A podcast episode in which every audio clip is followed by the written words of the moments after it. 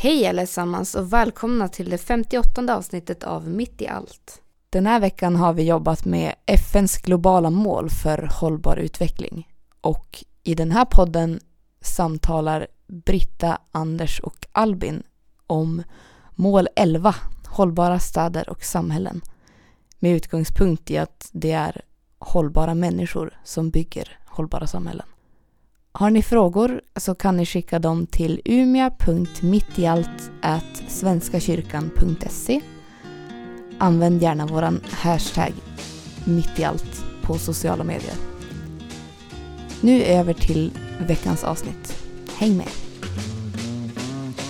Slow down, you move too fast You got to make the morning last Just kicking down the cobblestones Looking for fun and feeling groovy Hej och välkomna hit. Tack. Eh, berätta, vilka, vilka är ni? Vill du börja? Eh, Albin Westlin heter jag. Eh, jag jobbar här på eh, ungdomsenheten. Gör något som heter ungdomsåret. Eh, har tidigare gått eh, gymnasiet på, på Dragonskolan, teknikprogrammet med inriktning samhällsbyggande och miljö. Där vi har pratat en hel del kring hållbarhet och hållbara samhällen. Mm, tack. Ja, Britta heter jag. Och Fredrik ringde upp mig och sa, ska du inte vara med och prata om det här med hållbarhet? Jag sa, jo men visst, det kan jag göra. Jag har varit eh, aktiv i kyrkans ungdomsverksamhet mycket när jag var yngre. Men nu har det varit några år som jag inte har varit här. Så det känns kul. Anders Sandberg heter jag. Församlingsherde i Umeå stadsförsamling. Kanske inte har tänkt så väldigt mycket kring just hållbarhet även om jag försöker ha det som en, som en levande fråga för mig. Men jag tänker också kring att vad det är att vara människa är alltid spännande att tänka kring och den delen det uppdrag som jag står i. Så att det, det känns som också spännande ingångar i ett samtal att kunna närma sig frågan om hållbarhet utifrån det perspektivet. Mm. Sveriges kristna råds eh, målsättningar för, för ett hållbarare samhälle eh, ska vi röra oss kring mål nummer 11 eh, om att bygga hållbara städer och samhällen. Eh, för oss handlar det om att bygga hållbara liv som människor. Kan vi börja där? En stor fråga. Vad, vad är det att vara människa idag? Ni är ju lite olika åldrar. Eh, Albin, du, du närmar dig 20-strecket. Britta ligger mitt mellan lite närmare 30-sidan och Anders, du har ju till och med passerat 40. I ungdomsåren, för de delar ni ju ändå, de har ni upplevt allihopa, mm. var förutsättningarna olika i samhället. Och, och vår upplevelse är att Eh, allting snurrar fortare och fortare och allting ska konsumeras. Och nu finns sociala medier som gör någonting med oss som inte fanns tidigare. Och, och, och eh, allt är väldigt tillgängligt och allting går väldigt fort. Eh, vad, det gör någonting med oss. Tänker jag. Ehm. Men jag tänker, alltså just frågan vad det innebär att vara människa. Då tänker jag mycket att det någonstans handlar om att hitta sin riktning. Hitta sin mening, hitta sina egna drivkrafter. Eh, och att på något sätt försöka passa in i samhället utifrån det. Och det är väldigt mycket det som händer under tonårstiden men också som jag upplever händer ganska mycket ja, men mellan 20 och 30 års åldern.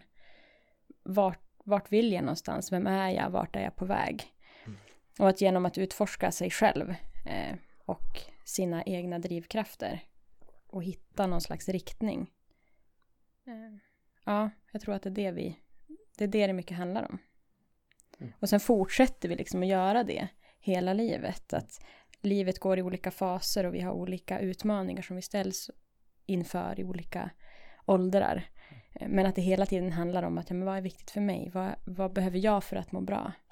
Eh, vad har jag för drivkrafter? Ja.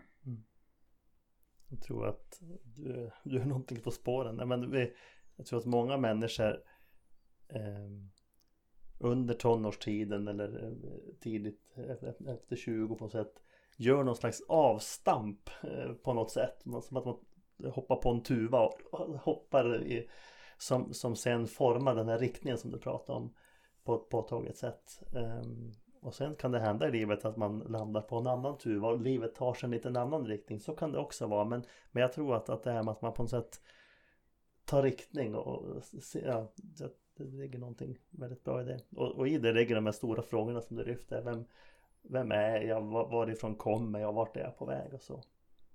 Jag fick en, en jag blev uppringd i somras, lite överrumplad. De ringde från radio och frågade om jag kunde komma dit och svara på frågan vad är meningen med livet?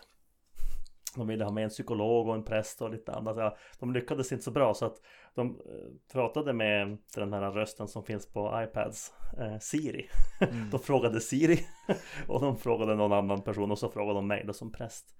Eh, och, och, en del av det svaret som jag, som jag då gav var att jag tror att meningen med livet, den också väldigt stora frågan, på många sätt handlar om relationer, att man ska ha hela relationer. Eh, till sig själv och till, sin, till människor som man har omkring sig, till skapelsen. Eh, men också till Gud, tänker jag. Eh, där, där ligger också en slags hållbarhetsingång, tänker jag. Mm. Som handlar om det här med riktning och de stora frågorna. Så, ja. mm. Mm. Jo, men jag tror att vi blir hållbara genom att vi är någonstans sanna mot oss själva mm. och våra egna behov. Eh, och vart vi vill. Mm. Och om vi ges utrymme att, att vara olika också. Att vi mm. ges utrymme att få utveckla våra drivkrafter utifrån olika förmågor. Då blir vi också hållbara människor, tror jag. Mm. Eh, och just det här med att skapa hållbara samhällen hänger ju väldigt mycket ihop med det. Det är ju människorna som skapar samhället kring att bygga hållbara städer. Ja, men det är människorna som ska bygga de hållbara städerna. Då behöver vi ha driftiga, välfungerande, välmående människor som gör detta. Mm. Och hur skapar vi dem? Hur ger vi, hur ger vi människor förutsättningar att utvecklas till sin fulla potential för att kunna göra skillnad? Och här tänker vi ha en del av, känner jag av ett skav i, i, i våran Eh, i våran tid och i, i vårat samhälle. Alltså det, det skaver. För, för det, jag tror att vi inte lever hållbart. Nej.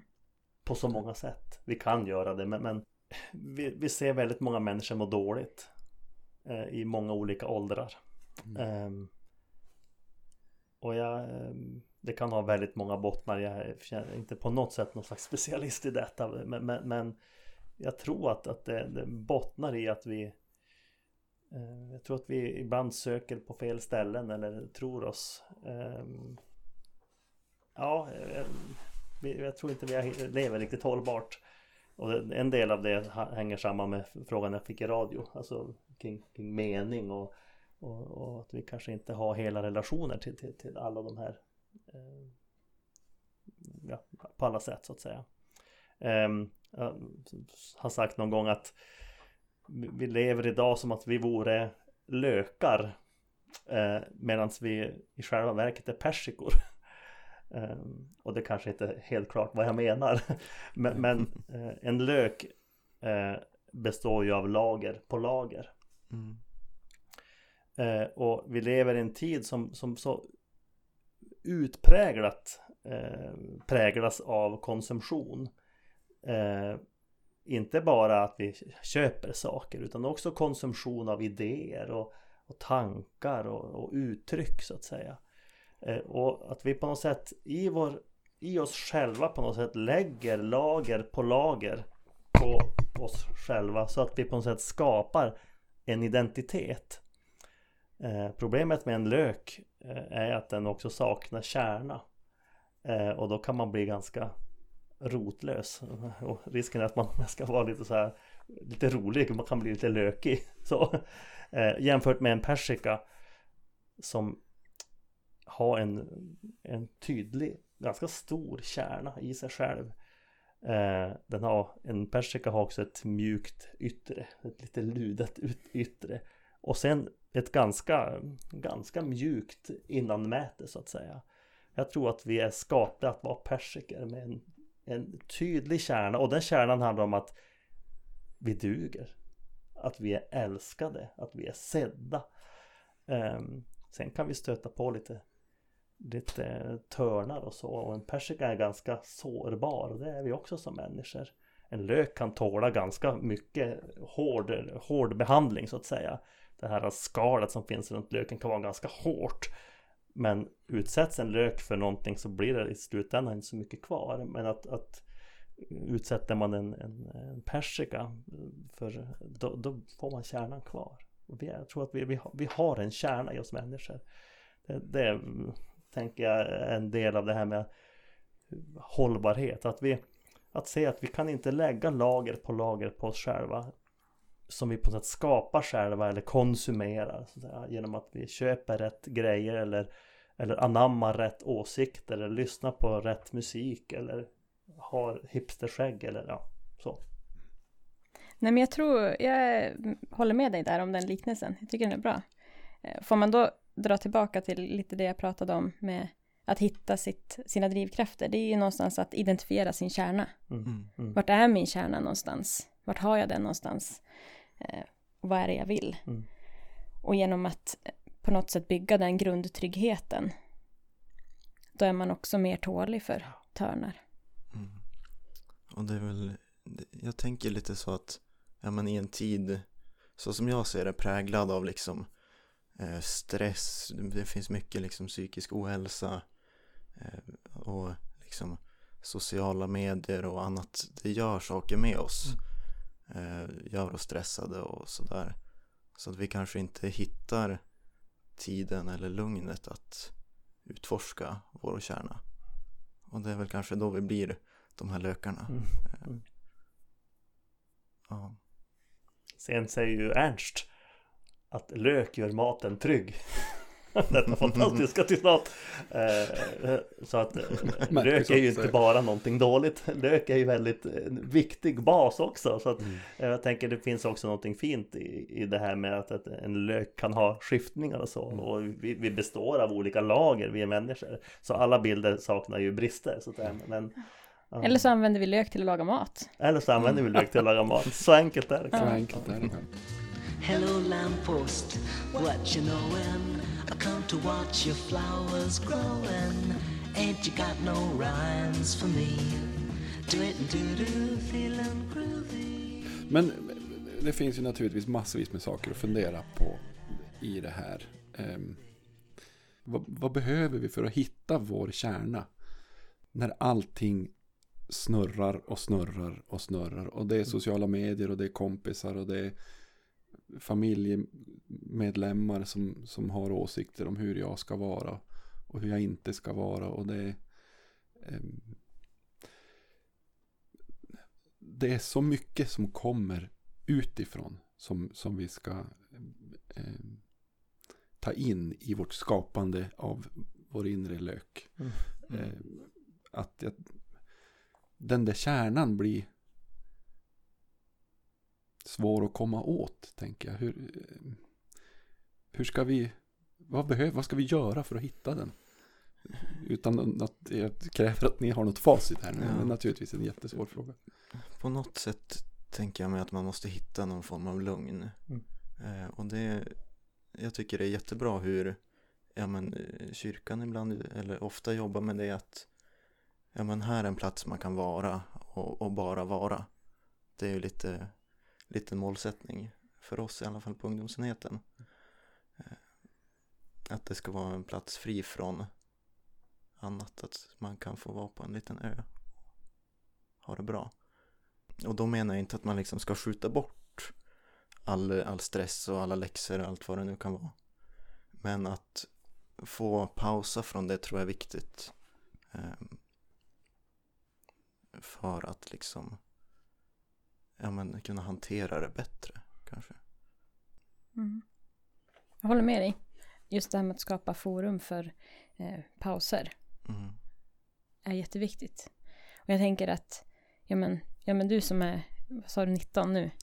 Det är ju ja, 18. så, 18, så utmanande att växa upp. Jag är glad att jag slapp det, höll jag på att säga. Nej, men det är mer utmanande idag tror jag. Det blir svårare och svårare. För det är så mycket som pockar på vår uppmärksamhet. Hur skapar mm. vi ett lugn? Mm. När, när vi matas av intryck hela tiden. Människor idag klarar inte av att sitta och vänta i tio minuter utan att titta Nej. på sin mobiltelefon. Mm. Jag tror det är det vi behöver börja träna på. Ja. Att ta de här pauserna. Jag var 19 år när jag fick min första mobiltelefon. Mm. Eh, med befordring på telefon. Den kunde man ringa med. Jag kunde Mm. alltså någonstans där jag befann mig få kontakt med en annan person via ett telefonsamtal. Och det var svindyrt. Och det var rätt dyrt så man använde det så lite som möjligt. Eh, så det är klart att, att eh, i det här rummet så är det ganska påtagligt att jag gick, jag gick genom hela gymnasiet utan att liksom titta på en skärm egentligen. Mm. Eh, internet kom, eller det har funnits längre men, men, men lite mer på allvar under min gymnasietid. Jag hade några klasskompisar som liksom höll på med det och bara ja, ja det är väl något som är lite övergående kunde man nästan tänka. Mm. Eh, så var det inte. Så att jag, jag håller med det, att det Jag tror att upplevelsen av splittring så att säga, och att det drar på så många håll den är Mm. betydligt större men för dig och, och, har varit för dig än vad den var för, för mig och för oss tror jag som då är lite äldre. Mm. Jag tror att du har helt rätt i det med lugn. Eller långsamhet kanske man också skulle kunna säga. Ja. Ehm, eh, sen för mig, och det här har jag väl då betalt för att säga eftersom jag är präst, men, men för mig betyder också liturgi någonting. Alltså eh, att, att fira gudstjänst. Eh, att eh, va, dras in i ett sammanhang som har 2000 år i historia. Det jag vet att man på 200-talet gjorde ungefär det vi gör nu. Man nästan, nästan ber samma böner, alltså att man blir indragen i en, också i, ett, i en historia som, som är, går långt tillbaka mot eh, den, från den tid där vi själva befinner oss i men ändå lever så. Eh, en slags, jag tror vi behöver riter i oss själva i vårt eget liv och där kan liturgin vara en sån rit som vi har lugn och långsamhet och liturgi eh, tänker jag kan vara ett spår. Mm. En, en grej som jag har funderat på lite, jag vet inte hur det har varit förut. Men när jag tänker på om vi, om vi backar tillbaks till lite städer och samhällen. ehm, om man tänker på, i stadsrummet. eh, då tycker jag att det finns väldigt få, det finns få platser där man kan bara vara, eh, ja men säg ett gäng och bara chilla eh, utan att behöva konsumera något. Det finns, ja visst det finns parkbänkar och sådär men det finns inte så mycket Typ bara ett, ett bord och några stolar. Det är knappt så att det går att hitta. Inte, inte liksom någon lokal inomhus i alla fall. Jag kommer ihåg det var något projekt. Jag tror att det var Umeå universitet, några eh, som pluggade där som drog igång i, i, i tomma lokaler. Eh, där medans de ja, men bytte ägare eller vad det nu kan handla om så hade de eh, de lokalerna för att ja, men skapa offentliga rum där man kan mötas i liksom lugn och ro. Och det är fint att det liksom kunde få finnas men hemskt att, att det som inte, inte finns annars. Det, känns som att det finns behov för det. Jo, men jag tycker du är inne på något bra där och att man med stadsarkitektur kan skapa rum för också nya möten. Är det handlar om också. Mm. Att eh, det är okej att prata med en främling istället för att sitta med sin mobil. Mm, det också.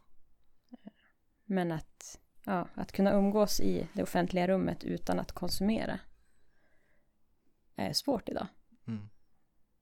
Förutom parker då. Ja, Och det är ganska kallt på vintern. precis. Och det, det är ju, jag har, hörde någon undersökning att, att väldigt många människor och barn är rädda för skogen. Mm. Eh, och jag tänker att vi, vi nu bor vi i en stad, eh, men, men vi rör oss väldigt mycket i, ska man säga, av människor skapade miljöer. Alltså inte artificiella miljöer, men, men ändå liksom, det, det är konstgjort ljus och det, det ja, så. Ehm, um, Medan vi, vi rör oss väldigt lite i, ja men i skogen. Vi är, vi är betydligt mindre i skogen idag än vad vi var förut. Om vi, om vi tar skogen som exempel eller ute i, i naturen på olika sätt. Och jag tänker det gör någonting med oss också i Eh, för möter man det som är som då är skapat och i vårt samhälle handlar mycket om att man ska ge rum för, för handel. Mm. Med, och så är det, det är saker som blinkar och syns och, och drar, drar till våran uppmärksamhet. Det är ju i sig inte en jättelugn miljö jämfört med att, att sitta på ett berg och, och, mm. och, titta på en utsikt som har sett likadan ut i tusentals år. Så, mm. ja, det, det, vi, vi, vi, att bo i en stad har väldigt många goda sidor men, det har också den, den här splittringen tror jag också den kan föra med sig. Att det, är så mycket intryck hela tiden. Mm. Eh, och där, men, både att finnas i en stad och i det rummet som vi pratar om, med avsaknad av, av lugn. Men också då det rum vi alltid bär med oss i våran ficka.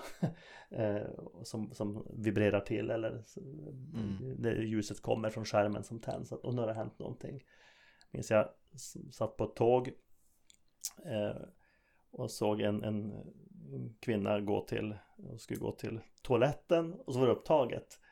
Två sekunder och så höll hon i sin telefon. Mm. så. Och att vi liksom den där, den där pausen som jag tror att vi behöver som människor där vi gör ingenting. eh, vi, vi har aldrig de pauserna för i, i ingentinget så det fyller vi upp med en skärm mm. och ett artificiellt ljus. Ja, så. Eh, jag bodde ju i Sörmjöle förut. Och då eh, Ja men jag har väl känt det här behovet av lugn. Eh, så då varje dag Ja men först tar jag bussen dit från, från stan och skolan och sådär. Och sen har jag en halvtimmes promenad hem. Först då liksom sitta på bussen och hinna lugna ner sig lite Då kunde jag ju för sig sitta med mobilen eller med några kompisar. Eh, men sen just den där promenaden, mm. den var viktig för mig och då ja, men lyckas man lägga bort mobilen och bara liksom hitta in i sig själv. Mm. Eh, det gör mycket med ens, ens tillvaro, mm. mm. eller med min i alla fall. Jag tror tyvärr att jag ska inte säga att du är ensam om det, men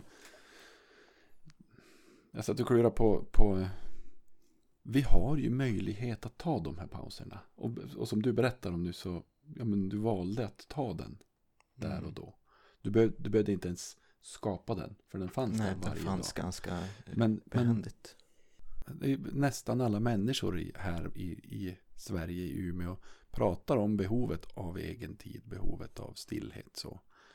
Men, men ändå, när pauserna dyker upp så väljer vi att fylla den med konsumtion mm. ändå. Via vår telefon eller annat. Va, vad är det som gör att vi, trots att vi ser att vi behöver det, aktivt väljer bort det? Ja, men jag tror att det handlar om eh, behovet av stimulans. Och det är någonting som, som det har ju med hjärnkemi att göra. Eh, att när vi får bekräftelse när vi, när, vi när vi får stimulans, dopaminer, endorfiner och kickar som vi får av att göra olika saker och genom att kolla på Facebook och ha fått en like, ja men det får en liten kick till hjärnan. Så vi blir, jag tror också att det handlar om att vi skapar bero, beroenden av olika mm, slag. Mm, mm. Beroenden av, av social interaktion och beroenden av kickar. Mm, mm. Och jag tror att det är ett väldigt stort problem i vårt samhälle idag och för människor idag att vi är så kicksökande. Mm. Eh, och, och det gör att den, den beroende tendensen så att säga, eh, den, den ger oss snabb tillfredsställelse. Mm, Vi vill ha mm. snabb tillfredsställelse mm, hela tiden. Och det här behovet av snabb tillfredsställelse, det, det eskalerar. Så ju mer du får snabb tillfredsställelse, desto mer behöver du. Precis som när, vi utvecklar, när man utvecklar ett beroende av en drog, eh, så kan man bli beroende av stimulans. Mm. Och då handlar det om att man behöver bryta det och aktivt välja. Och det är när du står i den här situationen att nu ska jag sitta här, eh, jag vet att jag kan ta en paus, men jag mår ju bättre just nu av att få den här kicken. Mm.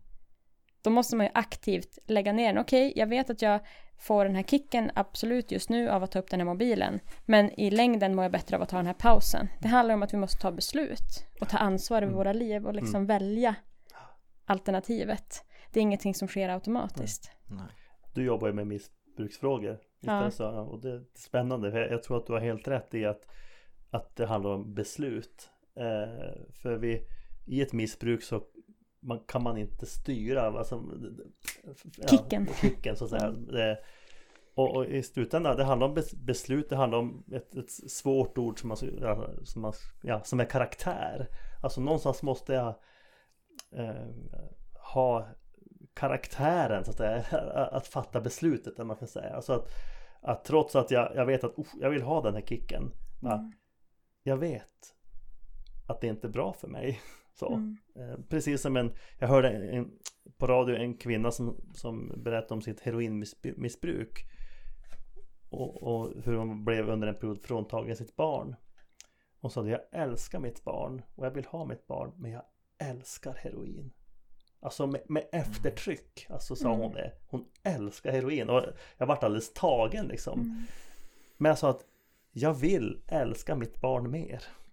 För jag vet att då är min heroinet, det ger mig en kick. Men inte för någon annan. Men jag vet att, för jag älskar mitt barn också. Och då kan jag ge min kärlek till någon annan. Och därför måste jag välja mitt barn. Mm. Men, men, men, men varje dag vill jag också ha heroinet. Men jag måste också varje dag välja mitt barn. För jag älskar heroin men jag älskar också mitt barn. Ja det var en mm. väldigt stark berättelse. Och jag, jag tänker att det handlar om Det är en slags karaktär. Eller vad man ska säga. Det är ett så svårt ord men hon, hon fick varje dag välja sitt barn. För hon visste att i huvudet Det är det bästa. Så, mm. Och kanske också i, i sitt hjärta. Men, det handlar ju mycket om beteende. Att, att förändra ett beteende. Mm. Att man lägger sig till med olika vanor och beteenden. Och att om, om mitt standardbeteende är att jag gör på ett visst sätt. Då behöver jag, det finns väl någon, någon slags uppskattning att det tar ungefär sex veckor om man vill ändra ett beteende. Mm. Eh, att ja, men då måste jag anstränga mig lite extra i sex veckor och sen kommer det bli lättare. Mm. Så om jag till exempel vill bli bättre på att ta pauser. Mm. Då måste jag ta mer aktiva beslut. Måste börja ta jag måste börja, börja ta aktiva beslut. Börja vara lite tuff med mig själv och bara mm. nej okej nu vill jag hellre det här men jag väljer det här istället. Och att det är tuffare i början men sen när man väl har kommit in i det då är det inte så tufft beslut. Sen beroendesjukdom det är mm. någonting annat mm, mm, än, än de här vanorna. Precis. För då handlar det om någonting betydligt allvarligare. Eh, och den här beroendetendensen som jag prata om är väl, då har man inte riktigt utvecklat ett sjukdomstillstånd på mm. det sättet. Utan då handlar det då är det lättare att välja. Mm. Men om jag ska ta upp min mobiltelefon eller inte. Det är inte liksom ett kemiskt nej, problem nej, i min hjärna nej. utan det handlar mer om att jag kan faktiskt ta det beslutet. Alla har förmågan om du inte har utvecklat ett mm. tillstånd som är sjukligt så har du förmågan att välja att lägga bort telefonen. Mm. Mm. Du har inte sannolikt inte ett tvång på det sättet. Men, det, men det krävs ändå en, ja, vad man ska säga, karaktär. Alltså det, det, krävs ja. i grunden ett beslut. Jag, just det, jag har ju bestämt mig för det här. Ja, men precis, det handlar om ett mm. beslut. Men mm. den, det tror jag alla har förmåga. Mm. Det, handl, mm. det är ingenting som är skillnad mellan olika människor, utan alla har förmågan att fatta beslut om sitt liv. Mm. Så, när det gäller, ska jag plocka upp min mobiltelefon eller inte? Eh. Det finns ett, ett eh, men i kristen etik ett lite klurigt ord för detta och det är ordet dygd. Mm. Alltså att öva sig i dygder. Alltså det handlar egentligen om precis det här. Alltså att öva sig i, i, i beteende eller utifrån, sina, utifrån beslut. Ja. Mm. mm. Mm. Jag tänker att det gör det inte lättare heller när, ja, men när apptillverkare känner till att ja, men, vi mår bra av, av kickar och mm. ja men då väljer vi att gå in och ja men sådär. Så de gör det liksom, de skapar ju ja, med sina appar och sådär på ett sätt som gör mm. att vi blir lockade att plocka upp mobilen hela tiden. Mm. Mm. Det, det, gör det svårt. Du frågar varför är det så här? Jag, jag skulle säga, eller, jag skulle på ett plan säga att ja, men det är djävulskt. Ett, ett av namnen för, för, för djävulen i Bibelns berättelse det är Diabolos som betyder den som söndrar, splittrar. Mm. Eh, och jag tänker är det någonting som vår tid gör med oss som är en del av det här att inte leva hållbart, det är att vi upplever sån otrolig splittring. Mm, eh, och vi, vi, vi hittar inte det som samlar oss, alltså som hjälper oss till kärnan. Utan, utan vi är utsatta för sån, sån dragningskamp på något sätt i våra egna liv som, som, som vi upplever splittrande. Mm. Um, sen tror jag inte att det sitter någon person med horn. Som, men alltså att, att det på något sätt är, det finns ett, ett, eh, ett tillstånd som, som är, som är djävulskt i, i den bemärkelsen att det är söndrande, att det är splittrande. Eh, och därför tror jag, det du pratar om eh, Britta, om riktning. Eh, jag tror att därför är också riktningen viktig och där för att återkoppla till det som liturgi liturgin har en tydlig riktning mot Gud och jag tror att där finns, kan vi hitta en del av vägen framåt.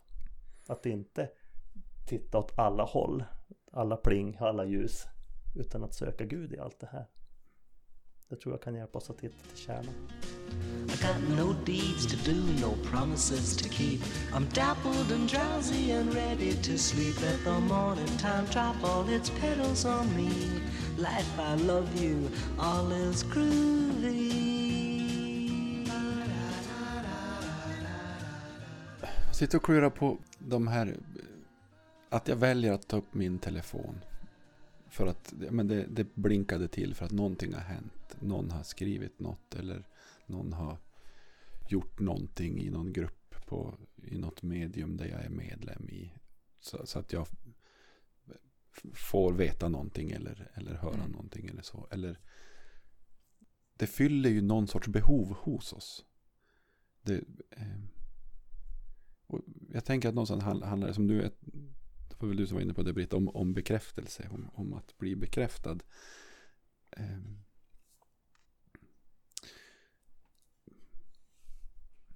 hur ska jag fråga, säga det här då? Jag tänker att, att eh, det ersätter någonting. Eh, som, som vi som människor och, och som naturligtvis eftersom jag eh, kallar mig kristen och tror på en gud som, som alltid älskar mig. Eh, den bekräftelsen får jag ju egentligen varje dag. Men, men den syns inte så tydligt. Det handlar om att jag måste veta det. Jag, jag tänker att vi söker efter att fylla någon slags tomrum. Mm. Mm. Jag tänker på frågan, vad är Gud i ditt liv? Mm. På ett sätt fångar det här för jag tror att vi, vi har alltid någonting som är Gud i vårt liv. Alltså i, i betydelsen det som eh, det som är det vi på något sätt eh, söker eller strävar eller, eller, låter vara det som vi formar oss så att säga. Eh, och har du inte då en, en tro på den eh, Gud som vi eh, stämmer in i varje söndag i trosbekännelsen eller som du faller på knä vid en moské eller ja då, då blir det någonting annat som blir Gud i vårt liv så att säga. Eh, jag tror att vi kan inte förhålla oss som människor liksom helt neutrala i, i, i ja, och det hänger väl samman med tänker jag för att vi är just skapade. Mm. Så det, det tänker jag våran tid lurar oss att tro att det är möjligt men jag tror inte det är möjligt. Och det, det, det är här att vi inte lever hållbart för att vi, vi är fintade och tror på någonting som inte eh, är möjligt. Ja. Jag tror att det alltid, om Gud är det som tar makten eller har makten i vårt liv. Det finns alltid någonting som, som har makten i vårt liv på, på ett eller annat sätt. Mm. Um, vad, vad är det som har makten? Mm. Vad, vad säger vi här? Har makten över vad är det som drar i oss? Jag tror att vi behöver återta makten över våra egna liv i väldigt stor utsträckning. Alltså tillåta oss själva att, men att sätta sig ner och reflektera. Ja, men hur, hur ser min tillvaro ut? Vad tycker jag är bra? Vad tycker jag är mindre bra? Vad kan jag påverka? Vad kan jag inte påverka? Kan jag behöva hjälp av någon i min omgivning för att påverka det som jag vill påverka. Att man ger sig själv utrymme att faktiskt reflektera. Sen är det så klart att allting i tillvaron kan man inte påverka. Men, men jag tror att många behöver faktiskt bara sätta sig ner och reflektera. Mm. Hur, hur, hur, är mitt liv? Mm. Vill jag ha det så här eller vill jag ha det på något annat sätt? Och där också ta, ja, men ta, ta kontrollen. Eh, I den mån det är möjligt. Och ta den hjälp som är nödvändig för att nå dit man vill. Jag tror att vi människor, och det här är min erfarenhet i när jag har funnits med i eh, man ska säga, andlig vägledning och retreatsammanhang och så i, menar, i, i, i bön och, och, meditation och så. Det finns egentligen två diken som vi människor riskerar att hamna i. å ena sidan eh, självförakt. Jag, jag kan ingenting, jag duger inte. Och det andra är högmod. Oh, vad, vad bra jag är. så mm. jag, jag, jag, behöver ingen. eh, det är som prästens lilla kråka som liksom åker hit och en dit så att säga. Och, och, den som kan hjälpa oss att liksom inte köra i de här dikena utan faktiskt som människor med, med, med som du berättar Britta säger det, som jag tror kan hjälpa oss att befinna oss på, på vägen i, i ett körbart skick det är, det är Kristus eh, som, som sätter saker och ting i, i rätt perspektiv för både, både själv eh, liksom självföraktet och högmodet den sätter endast mig själv i centrum. Högmodet, då är man väldigt själv, så, men, men också självföraktet gör det. Mm. Verkligheten är att det är inte bara jag som är i centrum. Och jag tror att det, det kan Jesus få betyda. Och säga att du är inte själv i centrum du. Mm. Ja. Jag tror att, att eh, på något sätt är man nog i båda dikena.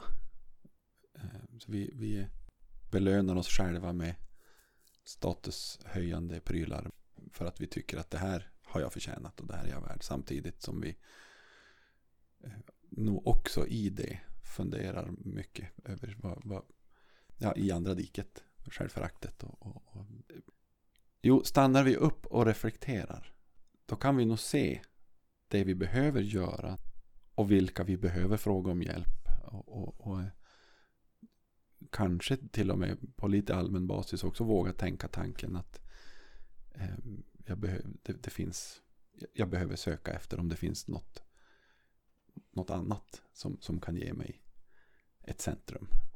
Någon, någon form av gudomlig kraft. Men eh, när vi står i det och så är vi 17 så finns det ju så otroligt mycket som drar. Eh, med, ja, men som vi har varit inne på med sociala medier och med kompisar. Nej men inte ska du göra det. Ehm, varför vågar vi inte prioritera det vi egentligen vet är rätt för oss själva? Jag tänker eh, om man backar några år, eh, kanske högstadietiden och sådär. Eh, just det där du säger att, att vi egentligen vet att, att man behöver stanna upp och reflektera och sådär. Jag upplevde i alla fall inte att jag visste att jag skulle göra det. Eh, jag reflekterade nog väldigt lite. Det var mycket, man, man stod på det där snabba rullbandet och försökte hänga med. Men eh, jag tror inte att det fanns en enda tanke på att ja, men det går att ställa sig där på sidan och, och betrakta och reflektera. Det, det fanns inte i min värld. Då. Kan det hänga samman med det vi pratade om innan vi började här, drack en kopp kaffe? Att du snart ska fylla 30, Britta. Eh, att man måste också falla någon gång. Eh, och få, så att få den erfarenheten. Om, man, man springer där och allting liksom eh, funkar rätt bra att springa då, då tänker man inte på det. Men har man erfarenheten av att falla då vet man också vad det gör med en. Och ja, då blir man lite klokare. Så. Ja, men jag tror att det är de absolut tuffaste perioderna i våra liv. Då vi mår som allra sämst, det är då vi lär oss mest. Mm. mm. Då det är tufft och kämpigt och jobbigt. Eh, och det är någonting som, som jag brukar försöka påminna mig själv om, om när jag är i en sån period. Att ja, men nu lär jag mig saker. Mm. Det här blir jag faktiskt starkare av. Och det kan, det kan ju låta enkelt men, men det kan ju vara lite peppande för en själv också. Att men det här är faktiskt, det kommer leda till någonting bra. Mm. Okej, nu känns det inget vidare. Men eh, jag kommer bli klokare av det. Jag kommer bli starkare står jag inför den här situationen en gång till, då kommer jag klara det bättre. Mm. Och det är väldigt mycket det livet handlar om också, att man ska ta sig igenom de här svåra perioderna och så kommer det lättare perioder däremellan. Mm. Men också, jag, eh, vill bara liksom fylla i utifrån det vi pratade om alldeles nyss. Eh, också att eh, det som jag nämnde med det här med att hitta sin... Ja, men vad var det jag sa? Men någonstans det här med att, eh, att ta kontroll. Eh, att det är väldigt mycket kopplat till sinnesrobönen, känner ni mm. till den? Mm. Att eh, Gud ger mig sinnesro, att acceptera det jag inte kan mm. förändra. Mod att förändra det jag kan och förstånd att inse skillnaden. Mm. Och det, be, be ofta. det kan man behöva liksom reflektera kring. Just det här med vad, vad kan jag kontrollera, vad kan jag inte kontrollera. Mm.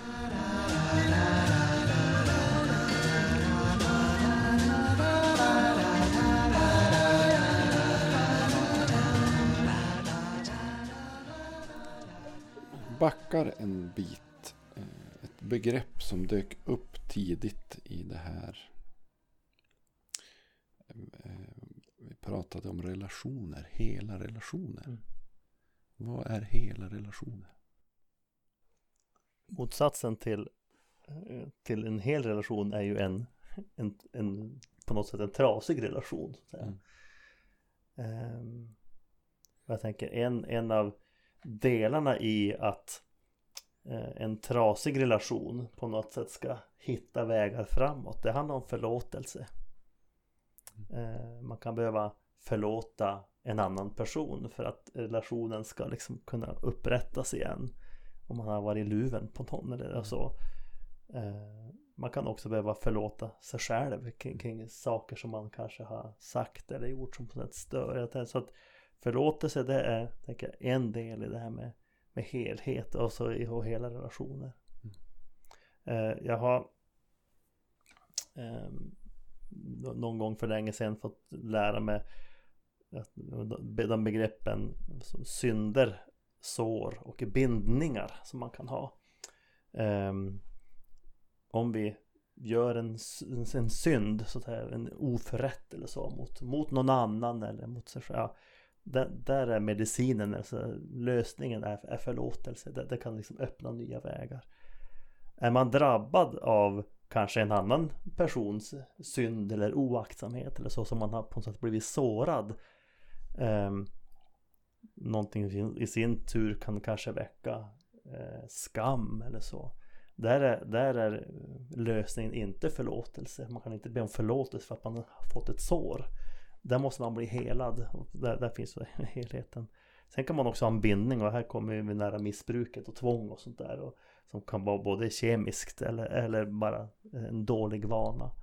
En, en bindning behöver eh, där, där är lösningen så att den ska bli löst eller befriad. Man ska bli befriad från den så att säga. Eh, och att jag tänker att, att fånga de här perspektiven och se, se vad som är vad kan vara en, en hjälp i att få uppleva och erfara helhet i relationer eller så. Ja, det, det är en, en liten, ett litet tankespår kring vad helhet kan vara. Mm. Att vara ja. Men öppenhet och ärlighet är väldigt viktigt. Mm. För, att, för att jag ska kunna förlåta yes. måste jag ju få veta att någon annan har blivit sårad exempelvis. Mm. Mm. Eh, och det tror jag kan vara ett, ett stort problem i många relationer att vi mm. vågar inte vi vågar inte uttrycka vad vi känner eller hur vi uppfattar situationen. Mm. Och när vi, när vi gör det så inser vi ofta att ja, men det, var, det gick ju ganska bra. Mm, mm. Och där är, handlar nog mycket om att vi också är styrda av rädsla. Mm. Vi kan vara rädsla för att bli bestraffade. Mm. Det, det, är väldigt tydligt i hela den här metoo-kampanjen och, och den här eh, de här skådespelarna så som och operasångare och så som har uttryckt att de var rädda för att säger jag någonting så blir jag bestraffad. alltså mm. inte få jobbet eller få... Ja. Mm. Så att rädslan riskerar också att styra oss ganska mycket i våra liv. Och det tror jag vi också behöver se. Jag, någon gång fick jag frågan Vad skulle du göra om du inte var rädd? Och det är en lite spännande fråga. Det ska mm. man ställa sig ibland. Vad skulle jag göra om jag inte var rädd? Skulle... Man aldrig någonsin vara rädd. Nej, alltså. Och det finns ju rädsla som är bra. Alltså att balansera på höga höjder utan skyddsräcke. Alltså, det, det är väl en slags rädsla som är, som är god. Att kastas ut och, eh, på vägar och sånt där. Men det, det är bra. Men, men det finns också allt för mycket rädsla som, som stänger oss inne. Som, som hindrar det här hela och, och ärligheten som du säger. Öppenheten. Men rädslan är ju till för att skydda oss. Mm. Men det kan ju gå överstyr. Ja, det kan också stänga in oss väldigt tydligt. Ja. Jo, men skydda. Man är ju väldigt skyddad om man har ett tjockt skal. Ja, precis. men frågan är hur bra man mår där inne. Precis, då blir man en lök. ja, precis. Många skal, Ja, många, skal, lager. precis. Och det, är Mm. risken. Mm. Mm. I vårt samhälle nu, så de flesta av oss har ju sett det här med, med hashtag metoo som är Mm. Väldigt aktuell och vi har, vi har sett vad som händer på TV4 och på, på Aftonbladet och SVT och ja. Jag såg något upprop nu angående juristutbildningar med massvis med underskrifter och berättelser, Mm. vittnesmål om. Ehm,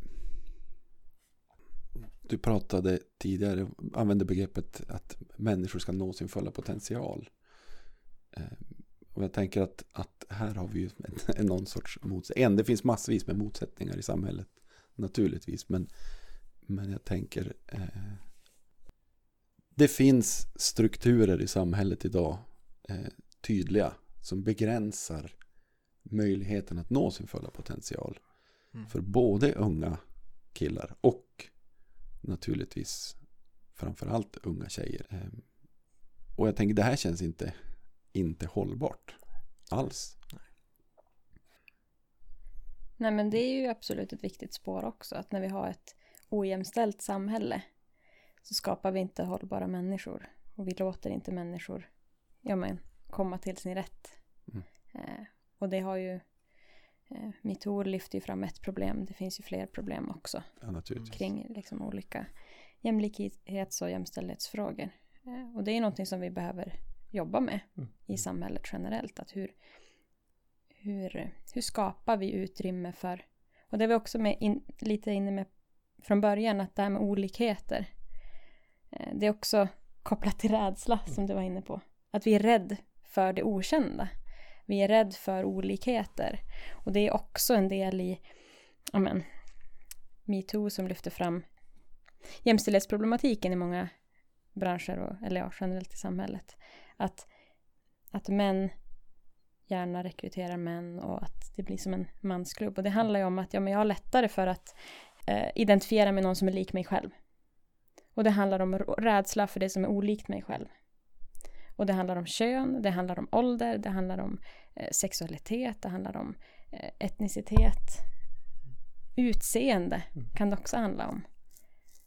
Att jag har lättare för att identifiera med någon som bara ser ut lite mer likt som mig själv. Och där handlar det om att jobba med den rädslan. Mm. Återigen, vad skulle vi göra då om vi inte hade de här rädslorna? Mm.